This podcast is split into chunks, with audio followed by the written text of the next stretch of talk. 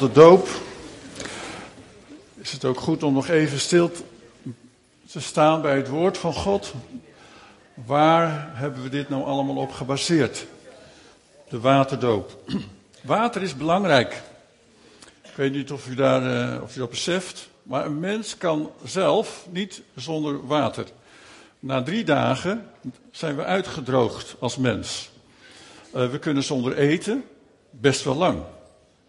Vasten kunnen we ook wel best lang. Maar water hebben we altijd nodig. Vocht hebben we altijd nodig. Water is belangrijk in deze wereld. Maar wij gebruiken meer water uit de kraan om dingen schoon te maken dan te drinken. Weet u dat? we drinken, dat is goed. Maar we hebben veel meer water gebruiken wij om dingen schoon te maken.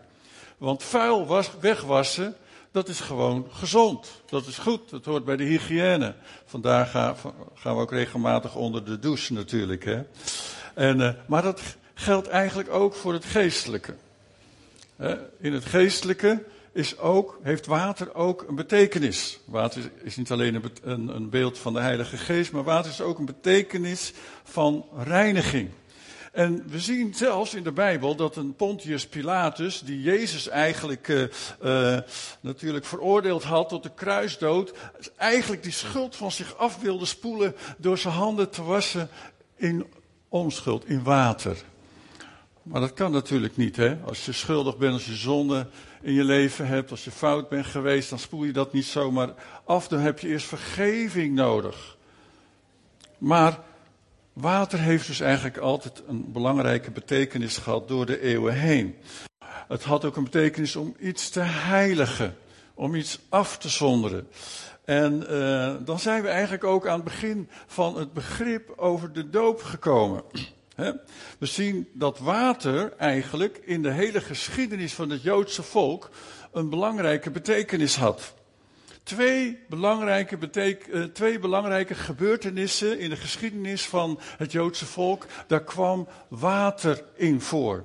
Eén gebeurtenis was, en die tekst gaan we nu zo lezen, dat was um, bij Noach, de zondvloed. Kennen we dat verhaal nog?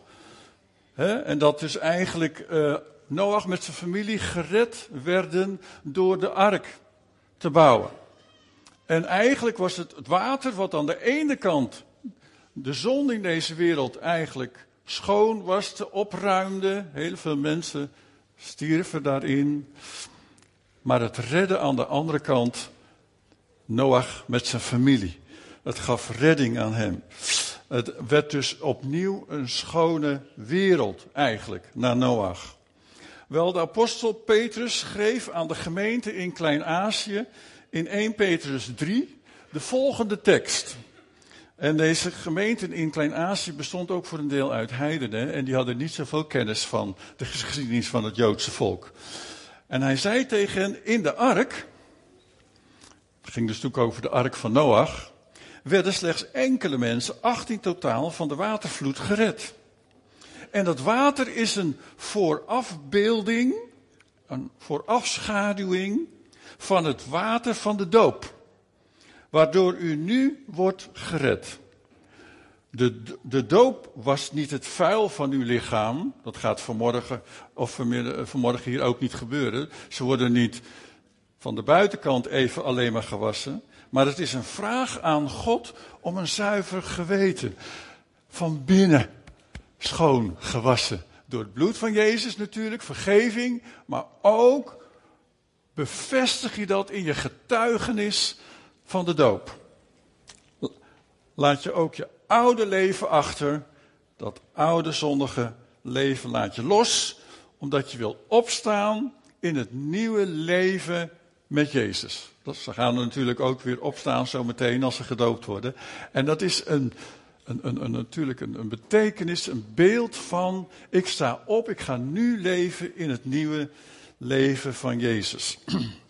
De tweede bijzondere gebeurtenis in het Joodse volk, waar water bij te pas kwam, was door, toen het volk door de woestijn, door de woestijn getrokken was en eigenlijk uh, door de Jordaan moest om het beloofde land in te gaan.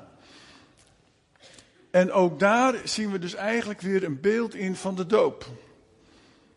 Eigenlijk was dat een overgang naar het nieuwe leven. Het oude leven mochten ze achter zich laten. En uh, uh, Paulus zegt er nog iets bijzonders over in 1 Korinthe 10, vers 2. Dat ze zich allemaal in de naam van Mozes lieten dopen in de wolk en in de zee. Verlost van het oude Egypte en mogen leven in het nieuwe leven wat God hun gegeven had en beloofd en gegeven had. En er waren allemaal voorafschaduwingen, eigenlijk een, een, een, een, iets wat wees naar wat komen zou in de Heer Jezus Christus. En Paulus maakt dat dan heel duidelijk aan de Galaten, in Galaten 3 vers 26. In Galaten 3 vers 26 zegt hij, want door het geloof in Christus Jezus bent u allen kinderen van God. Wie gelooft hier vanmorgen in de Heer Jezus Christus? Mag ik je handen zien? Wauw. En hier van de, als het al vertaald is, mag ik je handen zien als je gelooft in Jezus? Amen. Geloof je in Jezus? Yes, mag ik je handen zien?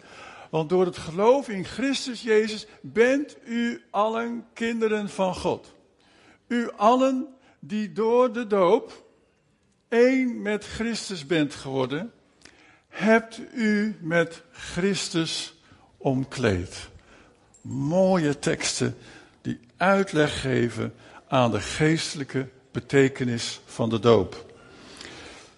Bijzondere gebeuren. Ze worden ondergedompeld, niet een klein beetje water, niet sprenkelen, maar ondergedompeld. Nou, we zien toen Filippus de kamerling uit Moorland, uit Moorland doopte, dan lezen wij in Handelingen 8 dat Filippus, die daalde af in het water, staat er. Die haalde niet een klein kommetje water om die kamerling een beetje te besproeien. Nee, hij, ze daalden af in het water en ze stegen weer op uit het water.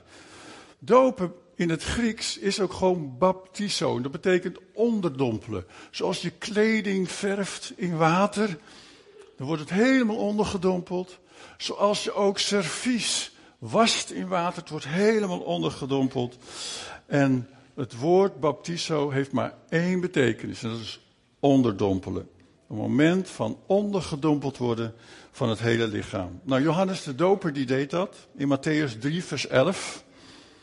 Hij zei, ik doop jullie met water ten teken van jullie nieuwe leven. Maar na mij komt iemand, en toen verwees hij naar de Heer Jezus, die meer vermag dan ik. Ik ben zelfs niet goed genoeg om zijn sandalen voor hem te dragen. Zo belangrijk is de Heer Jezus. En hij zal jullie dopen met de Heilige Geest en met vuur. Wauw, dus niet alleen mogen wij ons oude leven achterlaten, maar de Heer Jezus wil ons ook vullen, dopen, onderdompelen met zijn kracht. Met zijn geest. Daarom zullen we ook na de doop gaan bidden voor de dopelingen, voor die vervulling met de Heilige Geest. Nou, laatste tekst. En dan hoop ik dat ik me aan mijn tien minuten gehouden heb. Dat is wel een record vandaag, hè, geloof ik. Johannes 3, vers 23. Daarna ging Jezus met zijn leerlingen naar Judea. En daar bleef hij enige tijd en hij doopte er. Johannes doopte toen ook in Enon, dicht bij Salim, een waterrijk gebied. Cordy en ik zijn er nog geweest, uh, begin van dit jaar. En we hebben dat gezien. En daar kwamen de mensen naartoe om zich te laten onderdompelen. Wauw. Is dat niet geweldig dat we dat vandaag gaan meemaken met elkaar? En deze dopelingen, die willen daarin gehoorzaam zijn aan de Heer Jezus.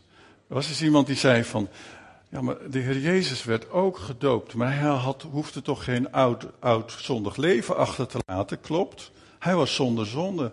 Maar in de Hebreeënbrief staat dat de Heer Jezus ons in alle dingen is voorgegaan. Hij wist hoe wij zouden worstelen met de doop. Dat we dat wel lastig zouden vinden. En daarom heeft hij bedacht, toen al, ik ga hen voor. En hij werd gedoopt door Johannes. En het is ook het begin van zijn bediening geworden. En de Heilige Geest kwam als een duif over hem. En hij hoorde, er kwam een stem uit de hemel: Dit is mijn geliefde zoon. Vanuit de Vader, vanuit de hemel. Nou, vandaag gaan we dopelingen zien die Jezus daarin willen volgen. Als Jezus onszelf daarin voor is gegaan, wie zijn wij dan om te zeggen dat hebben wij niet nodig? Wij hebben dat ook nodig. Amen. Amen, Sari. God.